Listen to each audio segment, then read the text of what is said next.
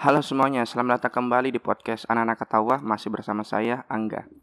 Hari ini saya kedatangan, eh bukan, saya mendatangi eh, salah seorang narasumber yang saya sudah kenal cukup lama. Sudah sekitar sudah sekitar 8 tahun yang lalu pertama kali saya mengenal eh, orang ini. Eh, dia merupakan senior saya di kampus, salah satu senior yang paling saya hormati dan senangi ketika ngobrol bersama. Halo Bang Dajo. Halo, Halo. Angga. Apa kabar Bang Dajo? Alhamdulillah baik-baik. Ini saya senang sekali nih Angga datang ke tempat saya ini. Pertama kalinya juga ini saya podcast. Podcast. Jadi jadi tamu biasanya cuma jadi pembicara Iya. doang di Zoom di mana. Sekarang kebalikan kan. Iya, sekarang Biasa bertanya sekarang ya ditanya. seringnya jadi host, jadi pembicara sekarang jadi apa? Jadi tamu Jadi podcast. betul betul. Nah, eh, Bang Daju ini eh, senior saya di kampus waktu masih kuliah S1 di UNM ambilnya psikologi. Terus eh, beliau sekarang jadi dosen ya. Mm-mm, Jadi dosen di salah satu perguruan swasta di eh, Makassar.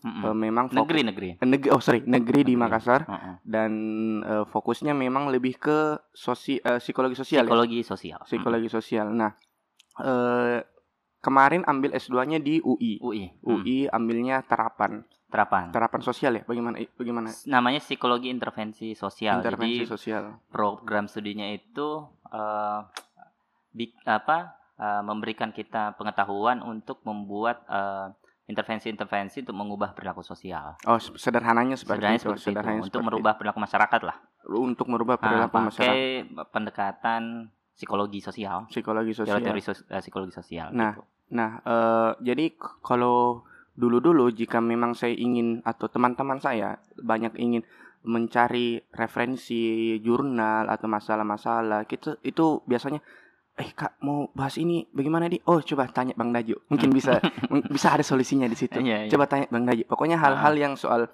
eh, hal-hal perilaku manusia, sosial Hmm. manusia yang terjadi dan bisa dinilai dan di, di, di- di- dilihat dari sisi aspek psikologi, Hmm. kita coba bicara sama Bang Laju karena Hmm. eh, ini orang ini punya banyak wawasan gitu. Eh, Ya, jadi lumayan lumayan. iya. Lumayan banyak baca lah bukan. banyak-banyak baca. Jadi Iya. banyak bisa memberi masukan kepada Hmm. eh, kita-kita semua. Hmm. Nah, eh, sebelum jadi Bang Laju ke sini tidak eh, eh, masuk di podcast ini tidak tahu kita mau bahas apa kan? Tidak tahu. Saya dari tadi sebetulnya nanya Angga temanya apa topiknya apa tapi selalu menjadi rahasia ya. Rahasia, rahasia. Ya, biar katanya biar surprise aja. Biar surprise. Dan kayaknya emang emang lebih bagus Lebih begitu. bagus gitu. biar lebih spontan kan Hmm. karena eh, seperti yang teman-teman tahu yang mungkin sudah dengar ada beberapa episode sebelum ini itu memang obrolan semua topik di sini adalah rahasia jadi Hmm. eh, narasumber tidak tahu apa yang akan dibicarakan gitu tidak tahu apa yang akan misterius. diperbincangkan Iya. sangat misterius tapi semoga eh, pilihan eh, topik yang akan saya tanyakan ke Bang Daju ini bisa relate lah dengan teman-teman semua tapi Mhm. sebelum masuk ke topik itu saya ingin sedikit eh, membahas sebuah fenomena yang terjadi akhir-akhir ini. Jadi ketika eh, podcast ini di tag itu tanggal 7 November ya. 7 November ya. 7 November itu adalah hari kemenangan Joe Biden dan Kamala Ya, Harris mengalahkan Donald Trump Donald Trump benar. di election eh, 2020 eh, Amerika. benar. Menurut Bang Daju nih, Mhm. kan saya tahu nih Bang Daju juga suka eh, dengan Politik, politik, suka politik. politik ada ketertarikan apalagi Ah. eh, dengan politik eh, luar seperti Ah. Amerika kan sangat mempengaruhi ke semua aspek Sangat. termasuk ke kita sangat juga sangat ke kita ke banget. kita. Heeh. Nah, kira-kira saya tidak mau membahas politik secara Mm-mm. secara spesifik karena eh, bukan politik yang ingin saya Iya, bahas, cuman iya. saya ingin pengantar aja. Heeh. Eh, apa kira-kira yang dilakukan oleh Joe Biden dan si Kamala Harris ini Mm-mm. sehingga bisa mengflip beberapa daerah, memflip kan itu istilahnya kalau Meng- apa ya? Membalik membalikkan Mm-mm. eh, negara Keadaan. jadi jadi di negara apa di beberapa negara state di Amerika itu Mm-mm. sudah biru kan harus eh Iya. sudah sudah merah sudah Mm-mm. miliknya Mm-mm. Trump tapi kunci kemenangannya adalah dia memflip eh, Mm-mm. si Joe Biden ini memflip di daerah itu menjadi biru, Biru. kembali atau Mm-mm. menjadi bagian dari eh, dem- Demokrat Mm-mm. yang sudah bertahun-tahun tidak pernah dimenangkan di Iya. daerah mana gitu lupa Iya, iya, Philadelphia itu. Phil- kok. Philadelphia itu Philadelphia. basisnya Republik Ah. kan dan ternyata Demokrat berhasil Mm-mm. Dari sisi eh, intervensi sosial Mhm. yang Bang Daju lihat apa Hmm. yang mereka lakukan di sana sehingga Mm-mm. atau secara keseluruhan lah mungkin bukan di Hmm. Phil- Philadelphia yang di Amer- di Amerika secara secara keseluruhan Mm-mm. sehingga orang-orang bisa memflip Ya. orang-orang bisa memilih Joe Biden dan Mm-mm. karena memang banyak bilang salah satu hal yang membuat Trump kalah adalah perilakunya. Mm, Perilakunya artinya mm, mm. eh, di lawannya mengcounter dengan perilaku yang eh, bisa menjadi pembalik Mm, mm. dari si Trump ini. Mm, mm, mm, Nah dari sisi intervensi sosial mm, mm. yang eh, Bang Daju pahami lah gitu, Mhm. sejauh yang Bang Daju pahami apa yang menjadi kunci. gitu. Mm, mm, mm. Eh, sebetulnya pemilu Amerika tuh memang selalu menarik ya karena semua orang seluruh dunia seperti me- apa ya me- menatap ke sana gitu semuanya di seluruh dunia termasuk Indonesia di Twitter tuh banyak sekali orang bicara soal pilpres Amerika Betul, gitu betul. padahal orang Indonesia gitu tapi Betul. Seolah menjadi daya tarik gitu Eh, sebetulnya eh, saya membaca banyak referensi ya Eh, eh, kemenangan Biden di Amerika itu eh, lebih karena kebanyakan orang tidak mau lagi Trump memimpin. Ya, Hmm, jadi orang. bukan karena Bidennya tapi karena Eh, Trumpnya. Eh, tidak semata-mata karena Bidennya. Oh tidak semata-mata Ya, karena tidak semata-mata karena Bidennya. Tapi ada faktor di mana orang tidak mau lagi Trump yang memimpin. Intinya gitu. bukan Trump. Intinya jangan Trump gitu. Intinya Ya, kalau di Makassar kan ada kotak kosong kayak Iya. begitu. Ah. Kalau kalau di sana pokoknya jangan Trump lah. Hmm, hmm. Pokoknya jangan Trump. Uh, itu ada ada itu, ada faktor itu. Yang kedua ada faktor Kamala Harrisnya.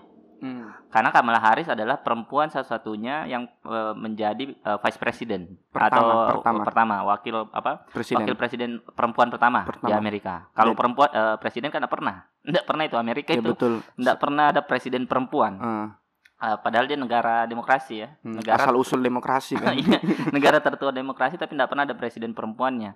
Eh, ini vice president pertama perempuan Kamala Harris itu dan Kamala Harris ini sebagai sosok eh, eh, apa politisi juga eh, inspiratif gitu banyak banyak mem- mem- memberi apa memberi inspirasi ke eh, khususnya eh, perempuan gitu Mhm. karena kan ini eh, related juga dengan eh, gerakan Me Too itu di di Mhm. Amerika gerakan apa feminisme lah gerakan Feminisme, perempuan gitu nah it- ada faktor itu juga faktor Kamala Harris Dan mungkin faktor karena dia bukan warga asli Amerika. nah itu dia, dia kan, orang, kan- orang India Dia mamanya India, bapaknya British Jamaika. ya Jamaika bapaknya Jamaika nah itu Jadi dia orang kulit hitam pertama, Nah, wanita pertama, orang Asia pertama Orang yang Asia menjadi pertama. wakil presiden. Iya Amerika. makanya itu itu itu, sangat fenomenal. itu akhirnya orang juga bikin apa me- mewarnai hasil pemilu. Mhm, mhm. Eh, yang ketiga memang sosok Joe Bidennya sendiri. Karena Joe Joe Biden. Juga itu pernah mengegolkan beberapa eh, waktu dia jadi senator kan sebelum Hmm. sebelum jadi vice presidennya Obama kan Mhm,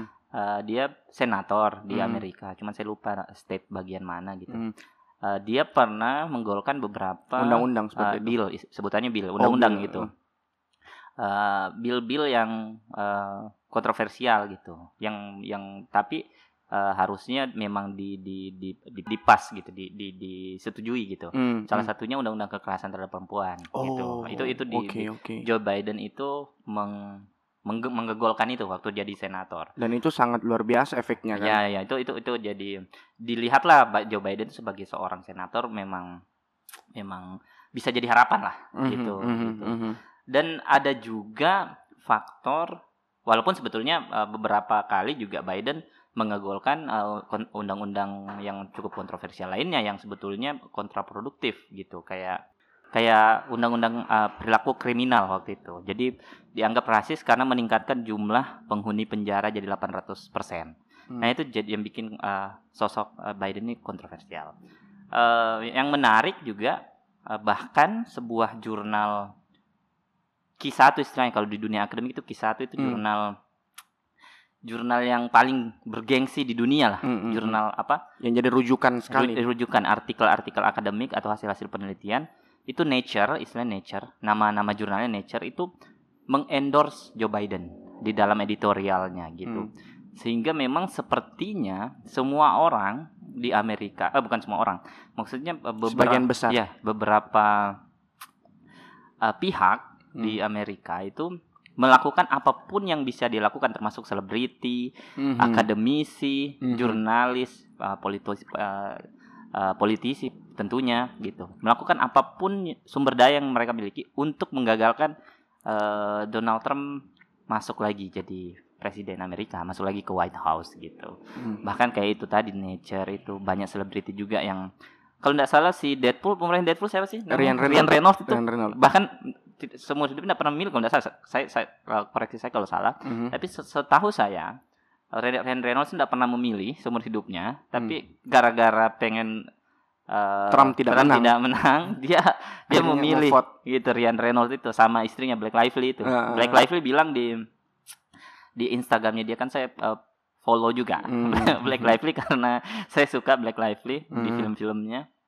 Eh, Akhirnya mereka mencoblos. iya, memvote. Black Lively udah sering. Oh, Ta- tapi eh, si Ryan Ryan Reynolds- Reynolds-nya eh, tidak. Ini saya tidak tahu ya apa, Hmm. apa saya salah apa enggak, tapi Hmm. se- setahu saya dia tulis this is the first time for him gitu. Oh, Oke. Eh, si si Ryan Reynolds. Intinya berarti banyak orang Amerika yang eh, betul-betul eh, saya tidak mau Trump lah, saya akan melakukan Mm-mm. apa pun gitu. Bahkan Ah, untuk melakukan sesuatu yang belum pernah saya lakukan pun Mm-mm. saya akan lakukan jika itu itu perlu. perlu gitu. Perlu. Dan it- dan Ah. itu menurut eh, Bang Najwa itu adalah part of ini inter insos ini. Maksudnya hal yang telah Ah. di-create oleh banyak orang sehingga mempengaruhi ah. eh, kerumunan massa ini. Oh bukan, kalau in, eh, insos sendiri itu lebih ke apa yang bisa dilakukan, yang bisa dirancang untuk mengubah perilaku orang. Mungkin saja tim kampanyenya Joe Biden eh, melakukan itu, Mhm, Eh, mhm. tapi eh, yang saya sebutkan sebelumnya itu sebetulnya lebih ke memang adalah fenomena yang eh, alamiah gitu. Fenomena Karena memang benci aja sama Se- sebenci sama itu. Donald Trump gitu. Hmm. Tapi apakah apakah ada intervensi-intervensi sosial yang dilakukan oleh Joe Biden di tim kampanyenya? Pasti ada, pasti Hmm. ada. Karena upaya tim kampanye pasti ada. Cuman saya belum sampai ke situ untuk mengulik contoh-contoh yang dilakukan Biden Mhm. gitu. Intinya yang yang yang saya lihat lah dengan Hmm. dengan dalam proses eh, pemilihan eh, Amerika ini Hmm, hmm, adalah betapa orang seperti sepakat dengan yang bilang Daju menggunakan semua sumber daya yang Hmm. mereka lakukan untuk melawan pokoknya bukan Trump pokoknya Ya. bukan Trump makanya bukan kan muncul sempat Kanye West ikut mencalonkan Iya. Jadi independen dia. jadi independen jadi independen. jalur independen saking maksudnya ya siapa pun maju silakan maju ya asal bukan Trump Asal bukan gitu, Trump, asal gitu. bukan Trump Hmm. sebegitu eh, apa ya Hmm. hal yang dia buat itu ke semua orang itu efeknya apalagi ke orang-orang imigran Mm-mm. kan dia mau membuat ini kan white white supremacy kan Iya. white supremacy sehingga eh, bergelombang lah dukungan-dukungan dari berbagai pihak Hmm. berbagai etnis berbagai eh, latar belakang untuk akhirnya melakukan campaign eh, mendukung Joe Biden karena dia Hmm. adalah lawan terkuat dari Donald Trump itu sendiri Benar. eh, menarik melihat bagaimana eh, proses apa yang akan dilakukan oleh Joe Biden dan si Kamala Harris ini terutama si Kamala Harris dengan eh, pidatonya pidato kemenangannya yang sangat menginspirasi Mhm. banyak kaum kaum muda perempuan-perempuan muda yang bilang oke saya menjadi wanita pertama yang ada di kantor ini tapi Iya. saya bukan akan menjadi yang terakhir, terakhir. That- Itu itu Tweet. tweet-tweet dia itu. Iya, Dia- betul-betul. Dia nge-tweet itu. dan dengan sangat-sangat powerful menyampaikan itu dengan ekspresif Mm-mm. betul-betul eh, ada harapan baru ke kita kita semua yang Mm-mm. yang melihat bahwa Amerika tidak tidak se strict itulah Ya. ketika dipimpin zaman Trump Iya, saya saya bahkan mau kalau nanti punya anak mau Kamala jadi namanya Ya. anak saya perempuan Kamala. oh itu Bang Najwa sempat tweet kan Saya bukan bukan fansnya Kamala Harris juga, tapi sebagai sebuah nama itu, nama yang cantik. nama yang bagus Nama yang gitu. cantik, iya, betul. karena eh, artinya bunga teratai kan kalau da- oh dalam bahasa Sanskerta itu. oke Kamala dan cukup unik juga maksudnya. betul dengan apa ada tokoh yang memakai nama Nah, itu kan ada tokoh nama, nama itu. dan gitu. itu, itu. oke itu Hmm. adalah pengantar. Oh, Itu, pengantar. masih ini apa namanya stretching masih pemanasan masih pemanasan Iya, pemanasannya udah bahas Amerika. Oh iya, jadi cuman itu karena terlintas saja tadi buka di Twitter kayak wah Mm-mm. menarik ini. Eh, Ya. Pas-pas membaca Benar. atau melihat tontonan dari apa eh, pidato kemenangan dari Mm-mm. Kamala Harris dan Joe Biden gitu. Mm-mm. Saya sih lebih menyoroti ke Kamala Harrisnya betapa Mm-mm. semenarik itu gitu Iya. ininya. Tapi si apa si orang-orang Amerika kan sekarang semua sedang perayaan gitu. Mm-mm, betul sedang betul. eh, apa di jalan itu ada orang semua teriak-teriak gitu. Hmm, ternyata Kayak- di Amerika ada juga yang klakson. Ada ada ada. ada di yang begitu di. Ada, ada. Jadi Iya. eh, saya lihat ada warga Indonesia yang tinggal di Amerika bilang saya sudah tinggal di Philadelphia sudah Heeh. bertahun-tahun Heeh. eh, sudah melewati dua kali pemilihan presiden Heeh. dan tidak pernah kota seribu seribu ini Serib- se- se- se- seribut, seribut ini itu seribut gitu. ini karena dengan orang turun ke jalan dengan memet Iya, iya, iya. Nah, itu semua orang merayakan ya. semua merayakan seakan-akan ini yang kita tunggu-tunggu Tapi itu juga mengkhawatirkan menurut Betul, saya karena betul. eh, coba eh, lihat di film-film horor itu biasanya itu adegan final act-nya itu film-film horor atau adegan yang terakhirnya itu yang paling mengerikannya itu. setelah perayaan setelah perayaan biasanya Betul, jadi jangan-jangan ini tapi kan klimaks, eh, ya. anti klimaks si Joe Biden itu kan dia salah satu orang yang mendukung uh, kebijakan George George Bush, Bush Heeh. yang uh, invasi ke Irak waktu Iya, itu yang betul. yang Kan yang dia kan, eh, yang menyebabkan uh, banyak sekali orang yang meninggal di Irak orang-orang yang tidak Betul, berdosa gitu betul, betul, betul. sehingga nah, kita nggak tahu nih betul, bagaimana caranya betul, gitu betul. Intinya Cuman- mungkin begini bang, Hmm. kalau dalam politik tidak usah kita mengkultuskan satu orang, ya karena dalam politik semua itu akan menjadi baik dan semua akan menjadi buruk ya pada betul, waktunya. betul. itulah itulah politik ya Itulah politik. fak- fakta politik Faktanya, gitu Jangan terlalu mengkultuskan satu sosok lah gitu. ya kan. ha, ha, ha. gitu. Nah, eh, kita akan pindah sedikit gitu, Ah, ah. sedikit ke arah yang lebih santai. Kan mungkin Ah. kayak orang, waduh 15 menit Iya. bahas politik berat sekali. Iya, iya, iya, Amerika lagi. Nah, Jangan-jangan ini topiknya politik ini bukan, jangan. bukan, Oh, bukan, ya. bukan. Kita, eh, nah, topik yang ingin saya bahas ke Bang Daju ini sebenarnya topik yang relate dengan eh, Hmm. kita semua Hmm. yang mendengarkan saya, Bang Daju, teman-teman yang mendengarkan gitu. Hmm. Jadi topik ini saya eh, pertama temukan dalam tanda kutip adalah ketika sedang membaca-baca sebuah artikel. Mhm. Salah satunya artikel soal eh, dari Tirto. Hmm. Artikel itu bilang bahwa eh, jadi di, di salah satu di dalam kalimat artikel itu ada ad- ada seorang ahli yang mengutip yang mengatakan bahwa Hmm. tidak semua orang butuh disemangati saat mereka cerita. Hmm. Oke, tidak semua orang butuh disemangati saat mereka cerita. Hmm. Karena banyak orang-orang yang memendam emosinya Hmm. memendam emosinya itu eh, untuk supaya terlihat baik-baik saja di depan Hmm. orang lain. Hmm. Hmm. Hmm, Hal itu, hal itu yang kita kenal atau sering kita mungkin istilahnya dalam bidang psikologi atau bidang eh, kejiwaan dan sebagainya adalah perilaku toxic posi- positivity. Oke. Toxic positivity eh, mungkin saya jelaskan sedikit ke teman-teman yang mungkin ah toxic toxic positivity apa? Memangnya Hmm. toxic ada yang positif? Ya ya. toxic positivity itu adalah bagaimana kita ya seperti tadi eh, Hmm. memuji orang atau memberikan Hmm. Sudahlah memang begitu hidup memang Mm-mm. itu padahal orang yang kita semangat itu tidak butuh hal seperti itu Mm. tidak butuh kata-kata positif yang kita berikan Mm. justru kata-kata positif atau kata-kata baik yang kita berikan Mm-mm. tentu saja bisa bisa jadi itu menjadi beban tambahan ke dia Hmm. karena pada dasarnya ketika kita lagi sedih kita lagi Mm. sedih ingin eh, menangis marah ya sudah keluarkan Mm. saja harusnya tidak usah bilang kok tidak usah marah kok harus sabar Mm. kok harus ingat ini ingat ini hal-hal baik yang Hmm. katakan tapi saya mau marah gitu Hmm. Iya kan Hmm. Ke- kenapa harus saya menjadi baik ini Ya. saatnya saya marah Hmm. nah saya coba mau bahas bang Hmm. Hmm. soal eh, toxic positivity Toxic ini positivity. ya. Eh, dan bang Aja sendiri cukup familiar kan Hmm. dengan istilah toxic Lumayan, positivity ini lumayan familiar karena banyak banyak di sekitar kita banyak sekali banyak sekali dan betul banyak juga sebetulnya di antara kita ini kita kita ini yang menjadi korban toxic positivity Korban itu toxic positivity. gitu karena pada dasarnya kan positivity yang Mhm. toxic itu Mhm. di sini masyarakat kita adalah uh, uh, sebuah norma yang umum gitu common norm ceritanya jadi uh, hampir semua orang walaupun ini uh, mudah-mudahan tidak over generalisasi tapi Mhm. uh, kebanyakan orang uh, uh, uh, apa endorsing positivity yang toxic itu jadi orang-orang selalu disuruh kamu harus bahagia kamu apa kamu tidak boleh berpikir negatif Hmm. kamu harus mengejar uh, hal-hal yang positif positif saja jangan Hmm. itu jangan ini nah Hmm. itu kan jadi uh, namanya toxic ya jadi beracun Hmm. akhirnya jadi merugikan sebenarnya itu kan perilaku yang sebenarnya tidak kita sadari sering kali Mm-mm. sering kali kita sebagai pelaku justru Mm-mm. kita sebagai orang yang eh, melakukan toksik ke orang lain atau kita Mm-mm. bisa menjadi korban gitu itu Mm. itu sering dan saya pribadi bang Mm-mm. eh, secara ini secara jujur mengatakan bahwa saya sering di dua sisi Iya. saya sering untuk menjadi korban bahwa eh enggak Mm. jangan mau gue sedih lah saja Iya. saatnya mau senang-senang ini Iya. ini ini bilang tapi di satu satu sisi lain ketika saya punya teman yang punya masalah Iya. saya tahu bahwa wah ini orang tidak perlu ndak tidak eh, jangan sedih terus Hmm. bahaya kalau dia sedih terus Mm. itu menurut pandangan saya dia bilang Mm. weh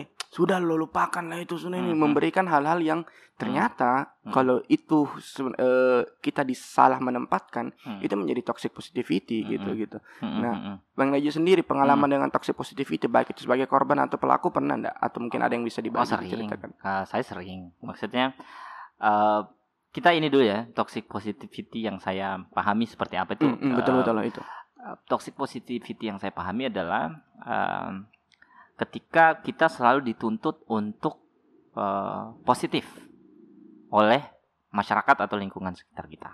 Hmm. Padahal ada momen-momen dan waktu-waktu di mana kita sebetulnya boleh tidak positif. Kayak misalnya, uh, maksudnya tidak positif dalam artian kayak bersedih seperti itu. Iya, misalnya kita waktu itu memang lagi sedih gitu.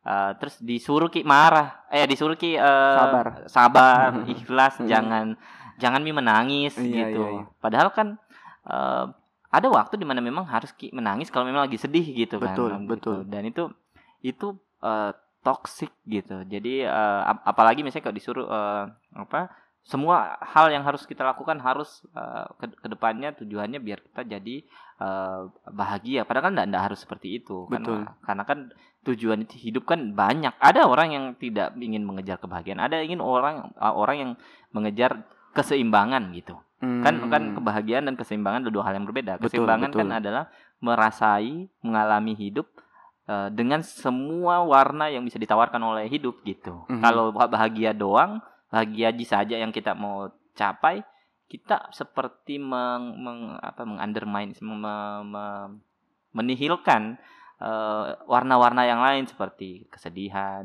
kemarahan, mm-hmm. uh, apa uh, kegamangan, kegar- mm-hmm. kegalauan, ke- betul, kerisauan. Betul. Padahal kan uh, ada satu orang namanya Brené Brown itu, uh, dia seorang peneliti uh, psikologi sosial. Dia bilang, you cannot numb uh, emotion selectively gitu karena uh, when you numb joy you uh, when you numb sadness you numb uh, joy gitu. When you numb hmm. when you numb uh, apa anger you numb uh, cheerful gitu. Oh, numb itu okay uh, enam kayak lagunya Linkin Park enam enam. Meng, meng, mengebaskan. Mengebas. Mengebaskan kayak memati rasakan gitu. Uh, jadi kita ndak ndak bisa menghiraukan ya. menghiraukan rasa itu artinya mm -hmm. hal lain bisa bisa bisa ikut. bisa ikut. karena kan di balik joy itu ada sadness di balik sadness itu kan ada joy. Di di seperti di filmnya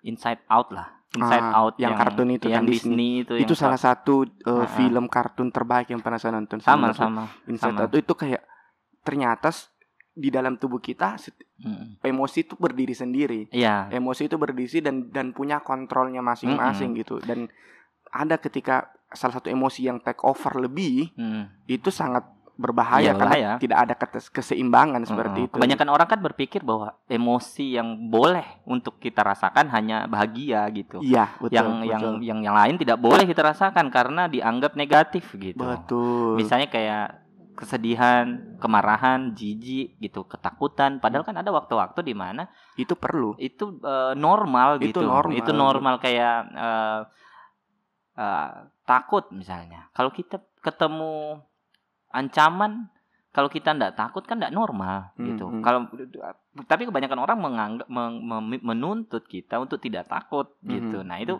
di situ letak toksiknya. Sesuatu oh, okay. emosi yang kita seharusnya uh, bisa bisa normal keluarkan, ketika kita rasakan keluarkan.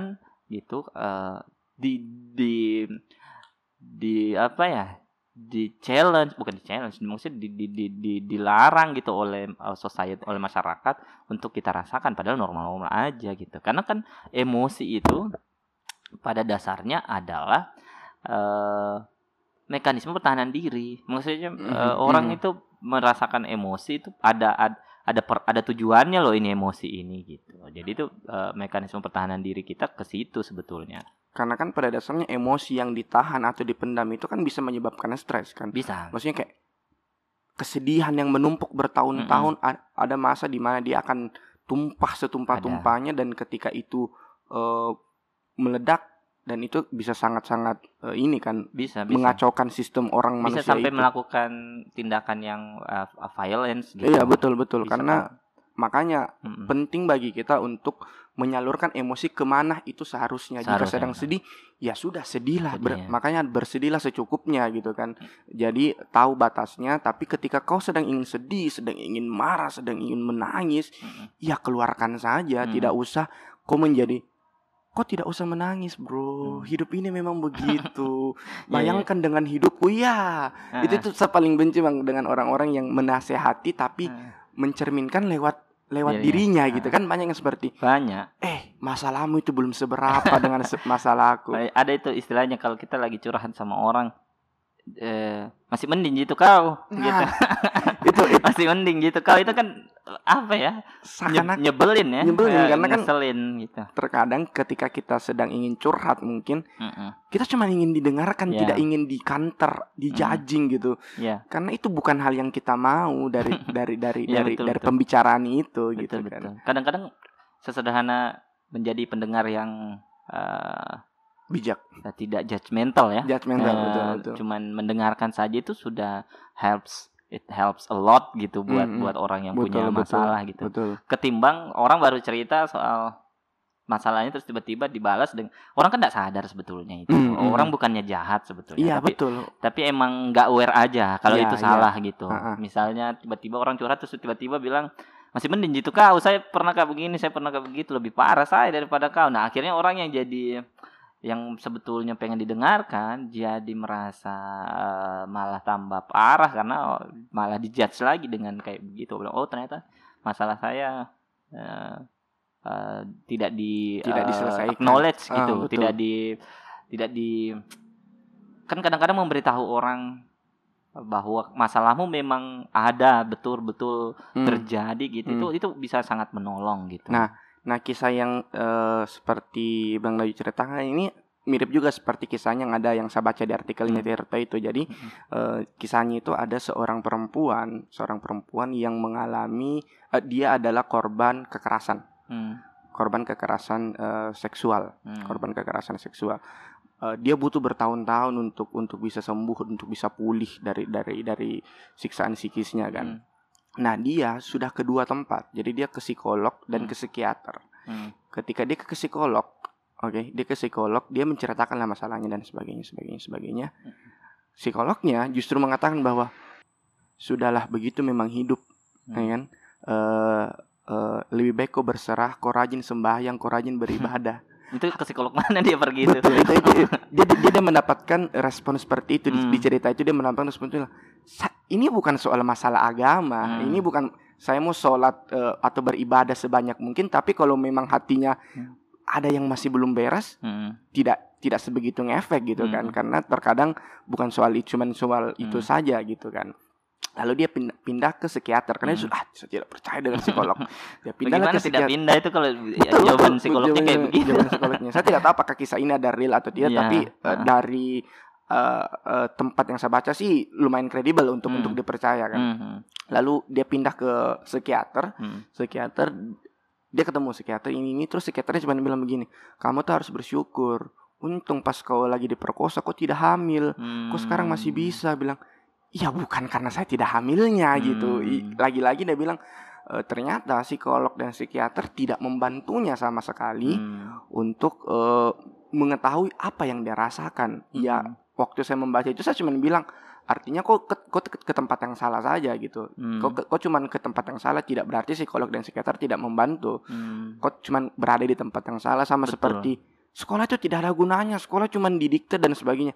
Ya mungkin karena sekolahmu tidak se- tidak semenarik itu Hmm. karena banyak juga sekolah biasa yang guru-gurunya menginspirasi Mm, mm, gitu, mm, eh, tidak mengkotak-kotakan siswanya. Jadi Ya. kembali lagi bukan eh, bukan bukan profesinya yang Hmm. salah, tapi memang tempatmu saja yang eh, Mm, mm. mencari jawaban yang salah, yang ke- yang Mm, yang mm, kurang yang kurang tepat gitu. Hmm, Itu yang terjadi sehingga eh, orang-orang apa si si si cerita ini hmm, eh, mengatakan bahwa eh, saya tidak tahu eh, eh, saya selalu cerita ke orang-orang dan dia selalu mendapatkan hal-hal seperti itu masukan-masukan seperti itu menurutku itu sangat tidak membantu Hmm. seperti itu Hmm. jadi bilang apa yang kau mau hmm, apa yang kau mau ya saya cuman mau didengarkan mau hmm, mau betul-betul merasa dihargai sebagai Hmm. diriku sendiri sebagai seseorang sebagai perempuan yang yang yang mengalami kekerasan seksual Hmm. gitu menjadi korban dan sebagainya hmm.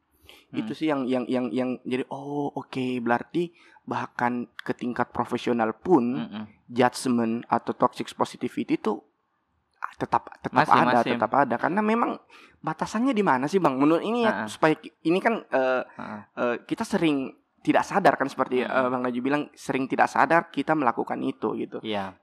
kira-kira nih untuk teman-teman juga yang mendengarkan apa sih batasan-batasannya untuk oke begini caranya supaya saya, saya melakukan ini Hmm. supaya tidak terkesan toxic positivity ke orang lain. sebetulnya eh, batasannya kayak lebih ke eh, ketika kita sudah mulai menganggap semua hal yang positif itu harus dilakukan atau wajib eh, di eh, bagaimana bahasanya maksudnya kayak ketika kita mendewakan hal-hal positif Mhm, Eh, mhm. Misalnya mendewakan optimisme misalnya. Semua itu kita harus pandang dengan optimisme. Mas, padahal kan sebetulnya optimisme juga itu ada ada yang disebut optimism bias. Optimism bias itu ketika kita eh, terlalu optimis akhirnya lupa bersiap-siap lupa lupa apa lupa lu- lupa mempersiapkan diri. Jadi akhirnya kita me- maju saja gitu kayak ne- nekat saja gitu akhirnya gagal kan. Akhirnya kita mengalami eh, masalah resiko dan apa gitu pada saat kita maju. Hanya karena kita terlalu optimis dan gagal bersiap-siap. Pada pada pada saat itu pe- pesimisme juga jadi sesuatu hal yang yang yang eh, Yang yang diperlu diperlukan karena itu membantu kita untuk bersiap-siap. Jadi ketika kita sudah mulai melihat segala hal itu harus positif saja gitu tidak boleh tidak tidak ada emosi lain selain emosi positif gitu Hmm. tidak eh, kita menyangkal emosi-emosi lain kita menyangkal eh, hal-hal lain selain hal-hal yang positif gitu nah di situlah eh, positivity jadi sesuatu hal yang toxic gitu Hmm, Oke. Nah, eh, selain artikel itu saya saya juga Hmm. coba kan, oh menarik ini artikelnya, makanya saya coba cari-cari lagi soal berita-berita tentang Hmm. toxic positivity dan Hmm. saya mendapatkan sebuah artikel yang membahas ciri-ciri pelaku toxic toxic Hmm. positivity. Nah, saya mau kita bahas itu satu persatu. Ada beberapa poin di sini dan eh, coba kita eh, coba kita bincangkan Hmm. apakah hal itu memang betul-betul adalah ciri-ciri pelaku dari iya, eh, iya. toxic positivity. boleh boleh Ya, yang pertama ini adalah eh, orang yang melakukan eh, sebagai pelaku toxic positivity adalah Hmm, dia menolak jujur dalam mengakui sebuah masalah selalu bersifat positif. hmm, Dalam artian misalnya eh, dia sedang melakukan kesalahan si temannya ini melakukan Hmm. kesalahan, dia tidak mau menyalahkan bahwa yang dia lakukan temannya itu salah. hmm, Dia selalu bilang, "Tidak, aku sudah benar, Bro. hmm, Eh, hmm. cocok itu Cocok itu. Hmm, Eh, Benar yang kau lakukan ini, cuman memang ini eh sabar Iya. mau saja ini." Nah, orang lain yang salah Orang itu. lain yang salah. kau gitu Ah, sama seperti anak-anak mungkin kalau jatuh kena meja, ibunya bilang, ya "Ah, ini meja yang salah." ya ya ya ya kayak- ada ada Iya, kayak- ada kayak gitu Eh, bilang ini saya yang salah, ini hus hus, ini meja nakal, meja nakal. Me- menolak mengakui kebenaran, Ah. Ya. menolak mengakui Mm-mm. bahwa yang benar apa, yang Mm. salah apa. Mm-mm. Nah, menurut kamu Bang Najib gimana kalau yang itu? Iya, iya, iya, mungkin ya bisa Hmm. bisa itu bisa jadi karena uh, memang sering sekali kita uh, menyangkal kesalahan. Ada uh, bahkan jadi kayak yang tadi dicontohkan itu kan sebetulnya adalah standar ganda double standar gitu. Double standar. Apalagi kalau temen tak yang, Yang- melakukan gitu. Betul, betul. Uh, padahal jelas-jelas ini misalnya temen tak yang salah gitu. Uh, tapi karena hanya yang melakukan adalah teman kita, kita menganggap itu benar gitu Hmm, kita menerapkan double standar. double standar gitu. Jadi kalau orang lain yang melakukan, wah kita bisa eh, segalak macan gitu. Tapi kalau orang atau mantan yang melakukan, itu jadi kelinci gitu kayak tidak tidak tidak apa kayak tidak tidak segalak itu gitu. Hmm. Nah itu kan sering terjadi. Cuman ketika kita sudah melihat masalah sebetulnya masalah, tapi kita eh, apa melihat it- eh, menyangkal itu sebagai sebuah masalah. Misalnya kayak kita lagi sedih gitu, tapi eh, teman tak lagi sedih terus dikasih tanya, eh, jangan kok sedih gitu. Hmm. Eh, sedih itu tidak bagus jangan kok sedih gitu sedih itu tidak tidak boleh kamu harus bahagia saja gitu nah itu kan eh, menyangkal fakta atau kebenaran tadi Hmm, betul, yang sudah betul, disebutkan Nah, betul. dan itu itu tidak bagus gitu padahal Nggak kan bagus. karena kan sedih itu normal aja gitu untuk dilakukan Jadi mungkin teman-teman semua yang secara tidak eh, sadar membela temannya sebegitunya, Hmm. mungkin kalian harus mulai fair gitu, mulai fair untuk melihat suatu situasi. Mm-mm. Karena memang mungkin maksud maksud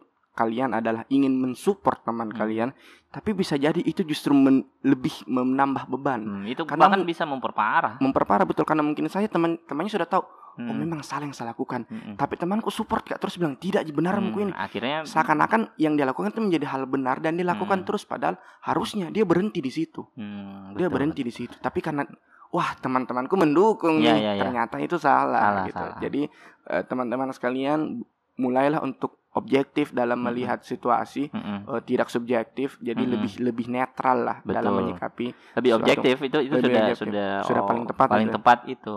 Eh, ba- saya pernah menulis sebuah ungkapan eh, saya bilang di situ bahwa teman yang baik itu adalah teman yang membetulkan, bukan yang membenarkan. Betul. Jadi, jadi uh, kalau kita jadi teman ke orang, kalau kita memang benar-benar temannya, kalau dia salah ya kasih tahu itu salah gitu, Hmm. ketimbang membenarkan, misalnya me, me, apa ya, blindly support gitu, mendukung dengan buta gitu. Hmm, hmm. Padahal kita menolak faktanya, padahal mungkin benar yang dilakukan memang beneran salah gitu, Hmm. karena dengan memberi kritik kan juga bisa membangun Betul, teman betul, kita gitu. Betul, betul, betul. Nah, eh, kita pindah ke poin selanjutnya. Poin selanjutnya ini hampir sama dengan poin yang pertama. Mm-mm. Tidak mau menerima emosi negatif, hanya Ah, ini. melihat semuanya positif. Nah, ini dia nih. Semua hal-hal buruk tidak. Itu pasti hal baik. Ah, itu gimana? This is the true definition of toxic positivity. Ah, Eh, ini ini definisi paling sejatinya ini toxic pos- positivity melihat semua semua itu positif yang negatif negatif tidak ada itu Hmm, Nah, hmm. padahal kan sebetulnya hal yang ditawarkan hidup sebetulnya sangat berwarna gitu Hmm. sangat kompleks dan berwarna apa saking kompleksnya jadi hidup jadi berwarna gitu jadi dinamis gitu kalau semua jadi Nah, cuman masalahnya orang-orang tuh menganggap yang positif yang boleh diakui ada ini yang Betul, yang yang, yang betul, negatif ini betul. ti- tidak, tidak boleh diakui ada mungkin dirasakan tapi tidak diaku tidak diakui keberadaannya gitu Ah, Saya- hmm. akhirnya akhirnya orang akhirnya hanya mau merasakan yang positif positif saja ketika dia merasakan yang negatif negatif gitu. Seperti eh, kesedihan tadi kemarahan ketakutan gitu.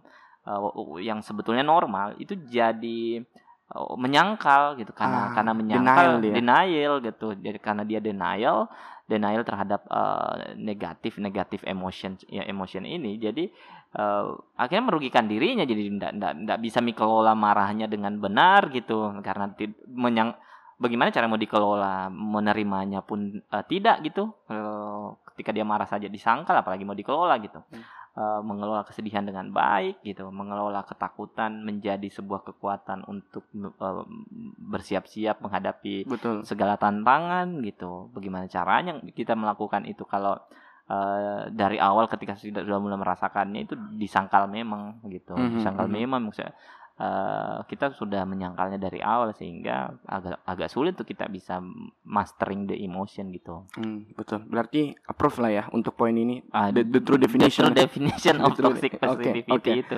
Oke. Dan Nah, banyak yang begitu. banyak, Banyak, banget. gitu. Kan kayak ke- kalau kita datang itu ke acara-acara motivator Kak. Ah.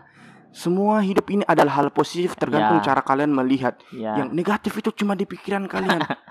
Ayo Pak, Iya. hidup ini adalah hitam putih, Iya. bukan hitam cuma sekedar hitam. Itu hidup Bukan. ini abu-abu gitu. Hidup Betul. ini abu-abu sangat-sangat dinamis dan tidak bisa kita cuma melihat dari sisi positif. Tidak bisa. Harus belajar negatif dulu untuk jadi positif. Betul. Artinya biar lengkap aja, biar seimbang kita merasakan hidup ini gitu. Betul, betul. Tidak karena kan ya itu tadi maksudnya eh, emosi kan tidak cuma bahagia gitu. Emosi tidak cuma bahagia. Dan kalau kita cuma merasa bah- apa, kita selalu ingin bahagia, kita jadi ndak ndak bertumbuh, ndak belajar gitu. betul, betul. Dan ndak menjadi pribadi yang berkembang. Bayangkan kalau kita selalu mau yang nyaman-nyaman saja, yang bikin kita eh, ceria-ceria saja, kita jadi tidak tahu rasanya terjatuh, tidak tahu rasanya sedih, tidak tahu rasanya eh, apa belajar dari kesalahan gitu Mhm, karena kita mhm, hanya mhm. kita hanya mau yang yang senang-senang saja, yang bahagia saja. Karena kan d- tidak akan ada per- sesuatu yang tumbuh eh, di wilayah yang nyaman kan. Hmm, Kalau kita di di zona nyaman, di wilayah yang nyaman,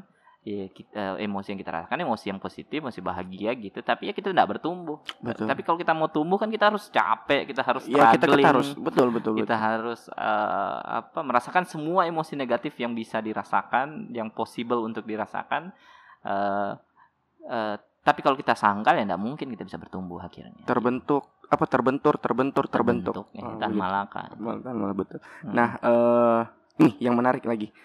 Eh salah satu ciri-ciri orang yang punya kecenderungan untuk sebagai pelaku toxic positivity adalah dia lebih boros, Hmm, dia impulsif dalam dalam belanja. hmm. Hal itu dikarenakan dia menutupi emosinya, Hmm, mungkin berarti di sisi pelarian emosi di sisi orang yang orang pelakunya. yang dituntut eh, untuk positif terus gitu Positif sama terus. orang gitu Eh, eh, jadi dia Ah, dia larinya em, apa eh, dia tidak tahu cara meluapkan emosinya. mm-mm. Makanya dia menutupinya dengan hal-hal seperti itu. Mm-mm. Nah, ini menurut artikel itu Mm-mm. menurut Bang Raja gimana? Oh, kalau ini eh, lumayan ini ya, lumayan eh, saya ba- baru juga dengar yang kayak itu, Hmm. yang yang bilang begitu. Tapi eh, ketika ditanyakan apakah masuk akal, masuk akal. Itu itu bisa saja terjadi gitu. Karena orang-orang merasa eh, karena dia tidak mampu mengelola emosinya dia sedih gitu. Mhm, Karena dia mhm. tidak tahu caranya bagaimana caranya ini saya mengelola emosi kesedihan saya ini. Saya harus melakukan apa pun yang bisa saya lakukan agar saya tidak sedih karena kalau sedih kak itu tidak boleh dilarang oleh masyarakat, dilarang oleh oleh teman-temanku, dilarang oleh eh, Keluarga aku keluarga dilarang. aku gitu nanti dilarang. nanti dibilang ke orang aneh kalau Iya, sedih kak kalau betul betul. berkurung diri kak di kamar Iya. berhari-hari nanti dikira Iya. kak gila. Nah, Iya ya kayak begitu dan akhirnya dia akhirnya melakukan apa pun yang bisa dilakukan agar ndak ndak sedih lagi secepat mungkin gitu. Padahal kan kadang-kadang sedih itu juga perlu di di, di Take your time, take your ya time. dia perlu waktunya Betul, untuk kita betul, bisa betul. bisa healing gitu. Betul betul. Eh, tapi karena harus disedih akhirnya cari nih cara gimana caranya biar dia bisa eh, ber- berbahagia kembali secara instan. Hmm, Nah, Salah satunya mungkin itu dengan, dengan impulsif impulsif. nih gitu. Eh, Karena impulsif karena impulsif- belan- karena belanja itu menyenangkan kan kak. belanja itu menyenangkan. Kita cowok saya suka juga Oke, belanja. kita cowok hal yang maksudnya shopping itu cenderung feminim kan Ah, ah, hal-hal feminim yang dilakukan. Tapi ketika kita belanja Mm-mm. itu menyenangkan. Ada Betul. ada ada ada ada perasaan oh ini kenapa perempuan-perempuan itu saling sikut menyikut ketika ada diskon karena memang ini men- semenyenangkan itu. Maksudnya belanja tuh Eh, punya kesenangan sendiri Benar. kan. Purchasing things yang sebetulnya Hmm. menyenangkan. Me- Owning, owning things Oh, itu. setelah kita melihat-lihat akhirnya memiliki. O- owning itu yang yang yang yang yang yang menyenangkan karena kan manusia itu punya kecenderungan untuk take control yang sangat besar gitu. Mhm. Ketika dia tidak tidak eh, punya ke- ketika mereka kehilangan kendali eh, atau kehilangan kontrol terhadap hidupnya, eh, manusia jadi anxious, jadi cemas gitu. Mhm. Uh, karena dia merasa saya tidak lagi punya saya tidak bisa memegang apa-apa nih untuk hidup saya gitu. Nah, Hmm. kalau dia punya kontrol terhadap hidupnya, dia jadi uh, merasa nyaman, tidak lagi anxious gitu. Makanya Hmm, kenapa hmm. belanja itu jadi menyenangkan dan nyaman Betul, gitu betul, karena karena ada ilusi of owning of control gitu. Oh. Ada the, illu- the uh, illusion of control. Jadi dengan belanja kita taking control Ah, karena kita menentukan kita mau punya apa dan beli apa dan memiliki apa. Nah, itu teman-teman yang suka doyan belanja ada teorinya dan itu memang menyenangkan. Jadi Iya. it's okay. Itu selama tahu batasannya. benar. Selama kenapa pandemi itu jadi bikin orang-orang anxious a lot gitu. Mm-mm. Jadi cemas berlebihan karena pandemi ini bikin kita losing control. Kita Oh, jadi oke. tidak punya kendali atas hidup kita sendiri karena kita tidak tahu ini kapan berakhir. betul betul. eh, apa kapan ini PSBB eh, berhenti Iya, tiba-tiba dibuka lagi, tiba-tiba tiba-tiba ditutup. lagi, ditutup lagi gitu. Kapan ki eh, bisa lagi ngajar di kelas kayak misalnya saya berprofesi sebagai dosen tidak tahu kapan saya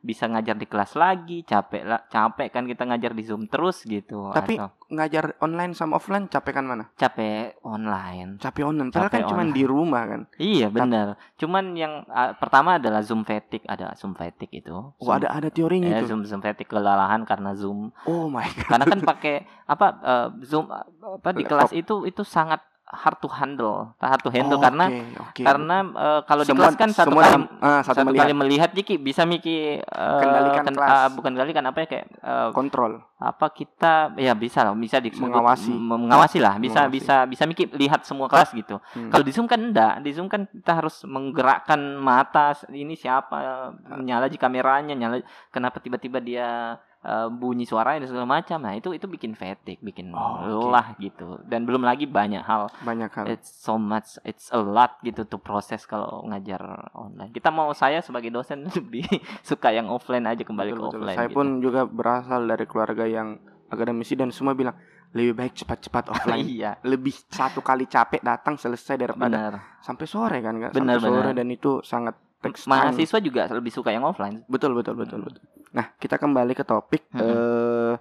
eh poin berikutnya adalah nah ini tadi yang seperti yang kita bahas di awal nar- narsistik membandingkan dirinya dan pengalamannya.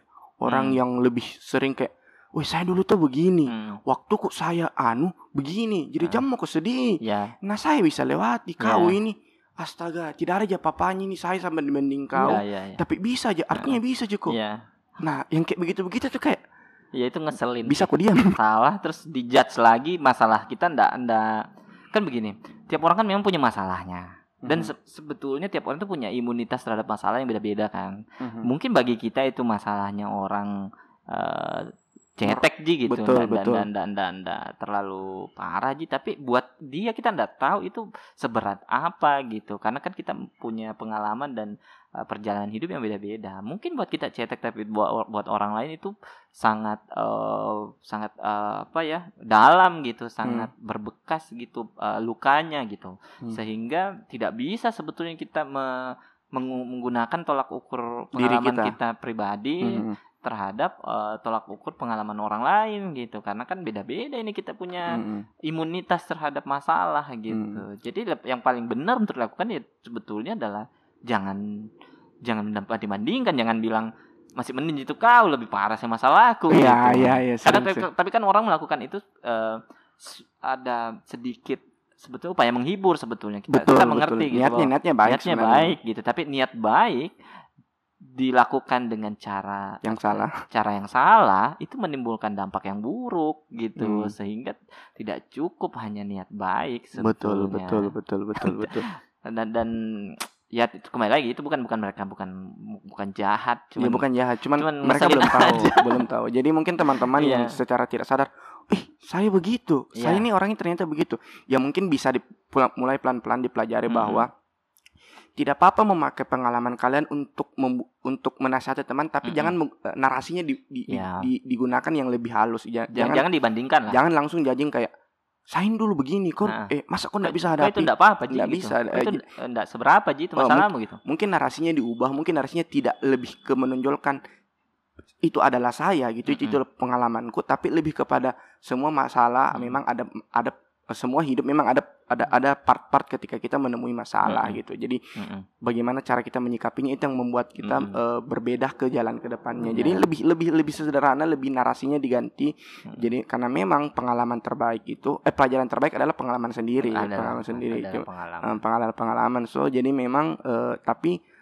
lihat-lihat dulu teman-teman kalian apakah dia dia nyaman tidak kita memberikan seperti tapi karena ada juga orang yang nyaman, orang yang Hmm. kayak oh iya ya kok begitu ya. Oke, Hmm. saya bisa kan ada Hmm, juga ada. tapi tapi pintar-pintarlah kalian mengenal tipe teman kalian Hmm. karena bisa jadi itu justru lebih melukai daripada Iya. sebelumnya gitu. kecuali kita eh, misalnya teman kita curhat terus temannya teman kita nanya kau iya bagaimana Nah, kalau begitu eh, Ah, itu ada betul. ada ada Ah, itu betul. ada istilahnya ada ada persetujuan Untuk- atau ada concern untuk dia mau dengar kita Ya, punya masalah. Sisi, ah, betul, Nah, betul. eh, jadi eh, boleh lah kalau kalau ada kayak begitu. Tapi Mungkin- kalau kita yang mungkin memaksa. Mungkin baru kayak nggak usah mau pamer kalau tidak saya minta. iya betul.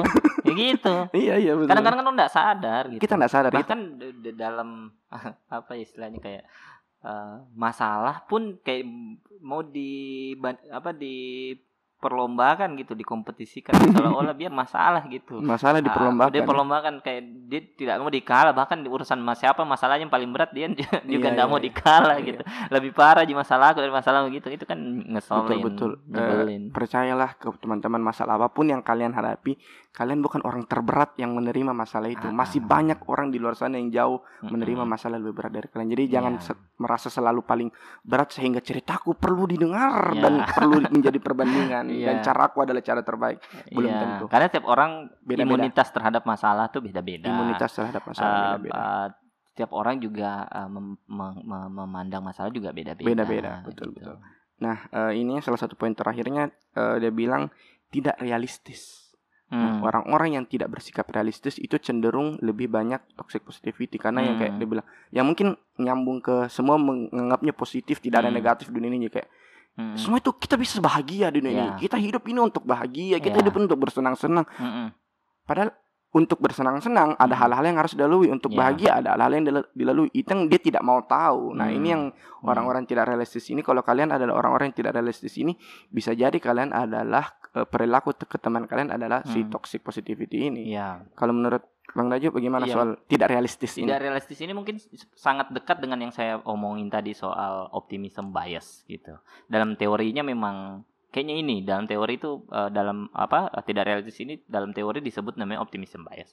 Ketika kita eh, terlalu optimisme secara berlebihan. Jadi kayak akhirnya karena kita optimis berlebihan nih kita jadi lupa menjejak uh, bumi gitu jadi kayak uh, misalnya begini misalnya kayak contoh nih Jamiki pakai masker misalnya ke keluar gitu. Misalnya ini masih masih pandemi kemarin misalnya. Jamiki pakai masker keluar.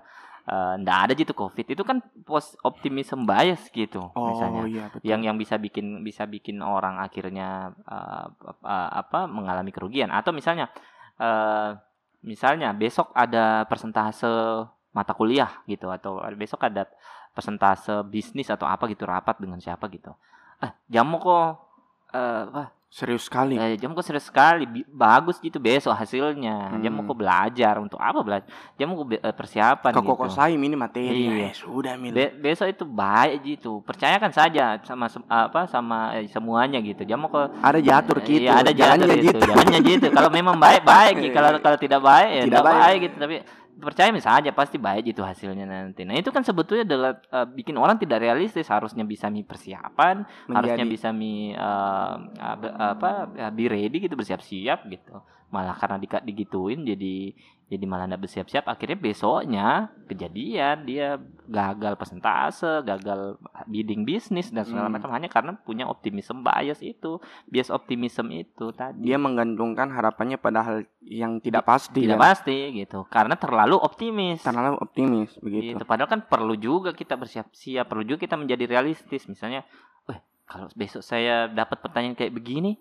ya saya harus siapkan eh, jawaban kayak begini dong maksudnya saya harus baca memang banyak-banyak gitu Hmm. biar besok ketika ditanya jadi siap gitu jadi Hmm. jadi jadi bisa lebih meyakinkan gitu Betul betul. dan itu terjadi banyak di banyak hal gitu di setiap sektor gitu kayak ada orang eh, naik miki saja gunung jam miki latihan Eh, Hmm. kalau eh, apa kalau jalannya gitu nanti bisa gitu sampai puncak biar kita tidak pernah latihan pasti Nggak bisa lah Eh, pasti. ya, makanya. semua semua butuh persiapan. iya Semua butuh persiapan dan akhirnya orang yang punya toxic positivity itu meng- me- apa akhirnya jadi tidak bersiap-siap jadi Hmm. akhirnya bahkan bisa merugikan dirinya bayangkan kalau tiba-tiba ini belum pernah kita pemanasan persiapan terus tiba-tiba mau naik puncak gunung bawah karai misalnya betul. itu bisa membahayakan nyawanya kan betul betul Itu betul. Dan orang lain juga. Dan orang lain orang juga, lain gitu juga. hanya karena hendak gitu ikut mau saja bah, apa Iya, bisa Joko bisa ini. Joko itu Nah, biasa Joko jalan berapa kilo? Iya, Iya. kok jalan lurus ini jalan naik.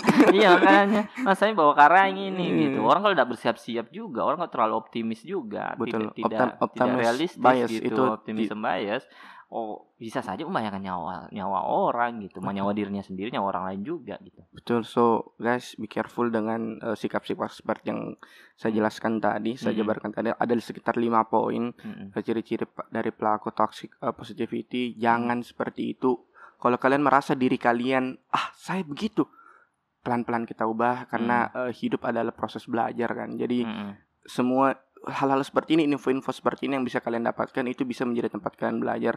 Tidak tidak tidak ada salahnya mengakui bahwa kalian memang seperti itu. Saya pun Hmm. mengakui ada beberapa pun yang saya juga seperti itu Hmm. dan saya sedang belajar untuk supaya tidak seperti itu. Hmm. Jadi ya ya asal jangan keras kepala saja gitu. iya asal, Iya. asal asal apa mindsetnya itu mindset uh, be better than yesterday gitu. Uh, kita hidupnya bertujuannya bukan bahagia tapi uh, tujuannya adalah menjadi orang yang selalu lebih baik dari diri kita yang kemarin jadi kompetitornya bukan orang lain Hmm. tapi kompetitornya adalah diri kita sendiri di masa lalu Hmm, gitu betul, itu, betul. itu itu itu jadi jadi motivasi yang yang yang apa necessary gitu untuk Hmm. kita kita ambil karena kita tidak perlu merasa harus membandingkan diri kita dengan orang lain tapi membandingkan diri kita dengan masa yang lalu sehingga mau tidak mau kita jadi jadi bertumbuh betul gitu. betul. kan pribadi yang bertumbuh adalah pribadi yang yang yang uh, paripurna lah ya Intinya eh, teman-teman eh, janganlah jadi teman yang menyebalkan untuk temannya. teman yang membenarkan eh jangan jadi teman yang membenarkan, membenarkan. tapi yang membetulkan gitu Betul. Karena kita semua tidak ingin jadi racun dalam menyemangati seseorang, tentu Ah, saja. betul Nah, oke, ini kita sudah masuk ke fase terakhir nih. oh iya Tidak terasa nggak- sudah hampir sejam ini. berapa sudah berapa lama Sudah 54 Oh, iya, something. Wow, ah. ini Kan eh, menarik sih menarik, To- menarik. toxic positivity itu menarik Betul, karena betul. baru dan orang enggak enggak aware. tahu enggak banyak yang Uh, aware uh, gitu uh. Dan memang ini menarik karena itu sangat dekat, sangat-sangat dekat dengan kita-kita semua yang mendengarkan itu ada di lingkungan kalian atau jangan jangan melihat kanan kiri, lihat cermin bisa jadi bisa jadi kalian kita, adalah bisa jadi kita, pelakunya. bisa jadi sahabat-sahabat Betul, kita, betul. teman segengta gitu. Orang tua tak bisa Betul. jadi gitu. Dan banyak Ah, banyak ah, sekali orang-orang tua yang toxic positivity Iya. ke anak-anaknya. So, Mm-mm. kita akan terus belajar untuk mengetahui hal-hal baik yang bisa kita ubah atau hal buruk yang kita ubah ke baik dalam Mm-mm. hidup kita. Mm-mm. Nah, Karena yuk kita masuk ke fase terakhir Mm-mm. karena kita kayaknya kok terlalu panjang sejam takut orang mau bos- Iya bosan dengarnya. iya, oke oke oke. Jadi kita eh, lumayan persingkat sedikit lah. Oke. Nayu. Jadi di eh, di podcast ini yang Ah. spesial adalah jadi selain topiknya yang rahasia, Ah, ah. topiknya rahasia, itu ada juga sebuah pamungkui momen saya bilangnya. Apa? Pamungkui momen, Pamungkui. pamungkas, momen pamungkas. Momen pamungku. Mo- Pamungkui ya. pamung- Iya iya iya. itu lucu, bahasa lucu bahasa juga. saya pamungkui momen atau eh, momen-momen pamungkas itu merupakan sebuah pertanyaan terakhir Oh, dari oke, saya Oke. untuk seorang narasumber dan Ah, ah. itu harus dijawab Harus dijawab. harus dijawab Oke. harus dijawab gitu Mudah-mudahan enggak. Mudah-mudahan enggak susah jawabannya. tidak tidak tidak Ah. ini what if main what Oh, what if? Hmm. Oke. Apa hal dari diri Bang Daju yang belum terjadi Hmm. tapi penasaran tapi penasaran hal itu akan terjadi Penasaran maksudnya pengen banget itu bakal kejadian. Ah, ah, jadi hal tapi yang belum kejadian. belum kejadian Ka- kenapa maksudnya kayak saya mau punya ini tapi saya belum punya sekarang Ah, ah. tapi kalau karena kalau- kenapa sebegitu penasarannya Heeh. karena kalau saya misalnya punya ini saya bisa melakukan ini ini ini ini. Ah. Ah, ini apa? ba- banyak sekali nih. Boleh enggak ya banyak itu? Eh, ya terserah terserah. Satu atau dua lah yang paling diinginkan yang belum terus terjadi. Tapi kalau saya inginkan apa yang terjadi? Penasaran ki lihat Ah. bagaimana diri tak menyikapi itu. Itu yang setelah kita dapat. Situasi kah Ah. barang kah pekerjaan Iya, iya, atau apa pun Saya pengen PhD sebetulnya. Oh, Pe- pengen di luar. di- saya ingin merasakan rasanya diajar, eh bukan diajar, rasanya berada dalam atmosfer akademik yang sangat eh, baik gitu, yang sangat eh, kompetitif kompeti- well, kompetitif tentu maksudnya yang yang semua eh, elemennya itu berfungsi secara optimal gitu. Hmm, Kalau hmm, di hmm, Indonesia hmm. kan masih banyak yang kayak- masih banyak kayak- yang kurang seperti Kal- itu. kalau di luar negeri itu mungkin eh, pendidikan sedikit lebih lebih maju lah ya dan saya Betul, pengen betul. banget berada dalam atmosfer itu gitu mbak karena saya itu orang yang suka belajar orangnya gitu jadi kalau Hmm. kalau punya kesempatan untuk belajar di sebuah atmosfer yang baru yang maksud- yang yang memang established yang maju gitu oke oke Nah, itu tentu saya akan sangat senang sekali begitu kalau Hmm. bisa merasakan pengalamannya belajar di sana. Jadi eh, rencananya pengen PhD di luar Ah, gitu. ah. Nah, itu itu ingin sekali itu rasanya saya kalau Hmm. ditanya what if? gitu ya, what if I can study abroad? Hmm, gitu. karena memang eh, men- apa karena Bang Naju sendiri merasa Bang Naju sendiri mampu melakukan itu. Maksudnya kalau Ah, kalau saya sudah berada di sana saya bisa ikut berada dalam pusarannya tidak tidak tidak tenggelam gitu. Bisa bisa survive gitu. Oh, iya, on and off sebetulnya. Karena kadang-kadang saya merasa eh, sudah pantas gitu karena sudah lumayan bisa bahasa Inggris Hmm, uh, lumayan punya pengalaman riset, lumayan uh, se- apa menulis juga sering gitu. hmm, hmm, hmm. Tapi kadang-kadang juga merasa, aduh, kayaknya belum pantas kayak ini iya. gitu karena pengalaman risetku masih sedikit, uh, yang saya baca juga tidak terlalu banyak gitu. Saya juga tidak terlalu apa, tidak terlalu se, se, se, se- apa se akademik savvy gitu, Mm, tidak terlalu terlalu pinter banget akademik gitu. Hmm, Jadi hmm, kayak hmm, hmm. Jangan-jangan nanti saya depresi di sana Iya, kan banyak betul. juga kasus uh, Banyak, PhD itu uh, depresi dan akhirnya bunuh diri gara-gara jangankan PhD, Bang. tuntutan akademik gitu. ambil master aja banyak yang iya depresi, Bang. makanya makanya saya juga takut juga jadi ya, kayak on and off gitu jadi ah, bisa ndak ya Hmm, Ah, bisa ndak ya? atau tapi tapi karena memang dari dulu ya maksudnya saya tuh uh, apa sangat eager gitu punya Hmm. aspi- uh, aspired gitu to, to, to study Hmm. uh, abroad gitu karena kan cita-cita saya menjadi seorang intelektual sebetulnya cita-cita Hmm, saya itu hmm. kalau ada pribadi ideal yang saya bayangkan dalam diri saya mhm. itu adalah seorang intelektual gitu Oh, Oke, mau Nah. jadi intelektual sejati. Iya, Oke. kalau bisa sih, insya Allah gitu. Amin, amin, amin. Kita aminkan teman-teman amin, semua. amin. Makasih, makasih. Eh, ada lagi? Eh, punya perpustakaan di baru punya mi sebetulnya. Sekarang kan sudah. Iya, sudah jadi punya. jadi eh, sedikit info untuk teman-teman mungkin yang belum tahu, eh, Bang Daju ini adalah founder ya, founder Mm-mm. dari sebuah gerakan sosial Mm-mm. eh, bernama Baru Membaca. baru baca Itu seperti konsep eh, perpustakaan keliling, perpustakaan ya perpustakaan Eh, keliling. bergerak perpustakaan ke- bergerak perpust- perpustakaan bergerak yang menyajikan eh, berbagai macam jenis buku Mm-mm. untuk dibaca dan dinikmati oleh seluruh elemen masyarakat, iya baik dari anak-anak, sampai dewasa remaja seperti itu. sampai dewasa semua bisa mendekatkan buku dengan masyarakat lah mendekatkan jadi buku bukan masyarakat yang dipaks eh, di- diminta untuk apa kita jadi pasif minta masyarakat datang ke kita tapi kita yang datang ke masyarakat gitu Hmm. tapi saya pengen di baru tuh ada satu gedung yang cukup besar Mhm. untuk menampung banyak sekali buku untuk jadi perpustakaan sekaligus jadi uh, public space tempat ngumpulnya orang-orang baru di situ untuk me- mengembangkan dirinya lah ya bertumbuh gitu untuk kelas-kelas untuk belajar untuk apa gitu terserah mungkin karena eh, eh, kenapa orang-orang menjadi malas ke ke perpustakaan menjadi begitu eh, tidak men- tidak mudah menerima budaya membaca di, Mhm. di di suatu tempat atau yang ya di perpustakaan adalah karena budaya perpustakaan itu cenderung kaku dan creepy iya kita masuk tidak boleh Betul, ribut betul. kita harus diam bergerak pun kayak Mm-mm. jinjit kalau bisa jinjit, Iya. jinjit gitu kan terus kasarnya. buku buku-bukunya juga terus buku-bukunya ndak tua, eh, buku-bukunya tua dan tidak menarik, terus Mm-mm. penataannya kaku, Kaku. musiknya tidak menarik, Mm-mm. sangat tidak nyaman. Banyak Betul. banyak eh, perpustakaan-perpustakaan di Indonesia yang dibuat Mm-mm. harusnya menjadi tempat belajar menyenangkan, Menyenangkan. tetapi di set tidak menyenangkan. Iya betul itu Sehingga- itu betul banget sih. Ki- Kita nih tidak mau ke sana, ngapain kita ke sana? Karena gitu. ndak ndak keren gitu. Tidak keren Ah, gitu, foto-foto tidak estetik betul, gitu betul, kan, betul betul cahayanya tidak bagus, wifi-nya jelek Iya gitu. benar benar. Jadi eh, hal-hal seperti itu, nah hal itu yang coba eh, Bang Najib coba Akhirnya ubah. akhirnya kita bikin perpustakaan Yang yang, lebih dekat ke yang, rakyat. yang Ke orang. instagramable gitu. Mm. eh apa ya bikin perpustakaan yang yang yang colorful gitu yang Mhm, ditata mhm. dengan menarik dengan penuh banyak warna gitu Hmm. pokoknya tujuannya agar perpustakaan jadi kembali menyenangkan Hmm. gitu itu sih sebetulnya Jadi- dan itu pengen banget sih Itu salah Saya satu punya itu. ya, mudah-mudahan saya jadi orang-orang ber- Amin. berduit ya dan Amin. bisa bisa punya banyak mari kita aminkan uh, sumber daya teman-teman. untuk bikin itu nanti di Baru dan saya harus bikin di Baru nggak mau di di mana nggak mau di Makassar nggak mau di mana karena uh, uh, apa uh, kampung kelahiran. kampung itu kampung saya dan uh, menurut saya ada banyak potensi anak muda di Baru yang bisa yang bisa berkembang. Oke, betul sekali. Itulah eh, dari harapan dari Bang Najib ada dua. Mm-mm. Dia ingin melihat dirinya sebagai seorang student PhD eh, Mm-mm. di luar dan melihat dirinya berhasil mengembangkan sejauh mana semaksimal mungkin yang dia bisa Mm-mm. untuk gerakan eh, perpustakaan dan bergerak kampung ini. halaman. di kampung halamannya di Mm-mm. Baru. Eh, baru itu sedikit info